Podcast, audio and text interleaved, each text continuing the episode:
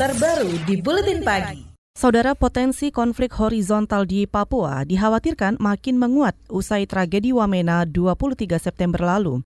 Sebanyak 30 orang tewas dan puluhan lainnya luka dalam kerusuhan yang dipicu dugaan ujaran rasial seorang guru di Wamena kepada muridnya. Sebagian korban meninggal merupakan warga pendatang.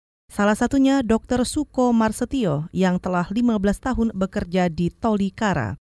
Kepala Komnas HAM Perwakilan Papua, Fritz Ramandei, tidak menampik. Saat ini masih terjadi ketegangan antar kelompok masyarakat di Wamena. Gejolak tersebut juga memaksa sedikitnya 8.000 warga Wamena mengungsi ke daerah lain atau kembali ke kampung halamannya. Tanggal 23 demonstrasi yang sama di Wamena tapi juga ada di Jayapura. Nah itu juga terjadi benturan antara para pendemo dengan masyarakat lain yang menamakan diri masyarakat Nusantara. Itu di Wamena kemarin kita juga menemukan bagaimana masyarakat lain yang menamakan ada masyarakat yang kemudian sebagai solider mereka bersatu ke mana-mana mengambil barang dan lain. Ketua Komnas HAM Papua Fritz Rumandei menambahkan aparat TNI dan Polri sebaiknya tetap berada di Papua untuk sementara waktu. Menurutnya, aparat dibutuhkan untuk menjamin rasa aman bagi seluruh warga Papua, baik warga asli maupun pendatang. Fritz juga mendesak pemerintah melakukan dialog serius dengan kelompok masyarakat Papua Tokoh yang diutus untuk berdialog harus disepakati lewat pemilihan dari bawah, bukan dengan cara ditunjuk agar sesuai keinginan pemerintah. Selain tragedi di Wamena, pada hari yang sama, 23 September 2019, terjadi pula kerusuhan di Expo Waena Jayapura. Peristiwa ini bermula dari sikap Universitas Cendrawasih yang menolak pendirian posko untuk mahasiswa Papua yang kembali dari perantauan. Tiga mahasiswa dan seorang tentara tewas dalam insiden ini. Sekitar 7.000 warga Papua mendaftar untuk dievakuasi keluar Wamena. Komandan Pangkalan TNI Angkatan Udara Silas Papare Jayapura Tri Bowo Budi Santoso mengatakan hingga 28 September sebanyak 1.500 warga Wamena telah dievakuasi ke Jayapura. Mereka mengungsi di beberapa lokasi. Tri mengatakan akan memfasilitasi warga Wamena yang ingin tinggal ke Jayapura atau kembali ke kampung halamannya. Di Lanut sendiri ada 106 pengungsi. Tadi pagi sudah berangkat 12 eh, orang ke eh, Makassar. Ini kita dorong ke Batalion Rider 751. Tadi malam sudah ada 54 orang. Siang ini juga masuk di sana kurang lebih 150 orang. Komandan Pangkalan TNI Angkatan Udara Silas Papare Jayapura Tribowo Budi Santoso menambahkan akan mengoptimalkan empat kali penerbangan setiap hari untuk mengevakuasi warga dari Wamena. TNI telah mengirimkan dua pesawat Hercules tambahan dari Malang, Jawa Timur untuk membantu proses evakuasi. Salah seorang pengungsi Papua, Abdullah Sihanudin, mengaku kehilangan harta bendanya akibat kerusuhan di Wamena. Abdullah saat ini mengungsi bersama seratusan warga lain di Aula Pangkalan Utama TNI Angkatan Udara Silas Papare, Jayapura. Ia berencana kembali ke kampung halamannya di Probolinggo, Jawa Timur. Abdullah bersama anak balitanya diselamatkan seorang ibu asli Papua bernama Mama Lani. Ibu satu itu makan saya. Oh dia yang datang tarik? Iya, tarik anak saya langsung dirangkul. Jangan dibunuh, Pak De ini yang kasih makan saya tiap hari. Bilangnya begitu toh. Saya sembunyi itu mulai dari jam 9 sampai jam 12.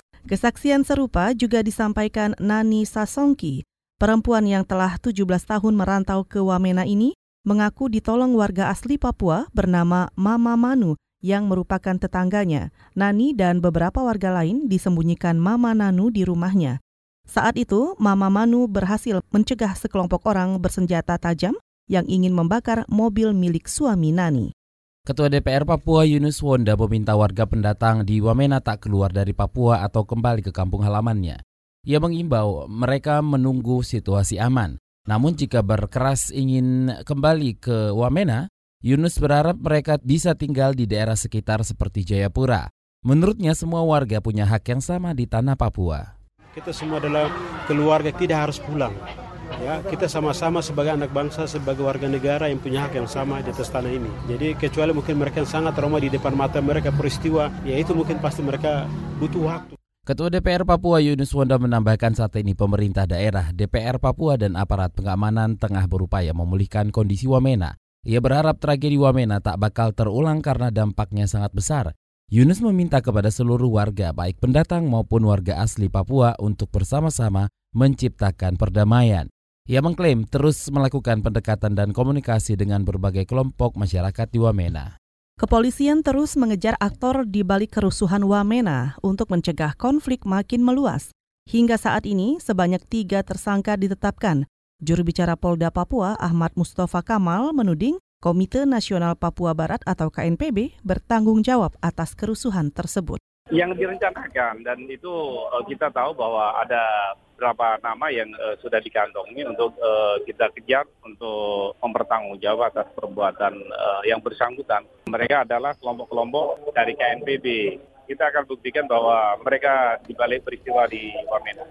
Itu tadi juru bicara Polda Papua Ahmad Mustafa Kamal.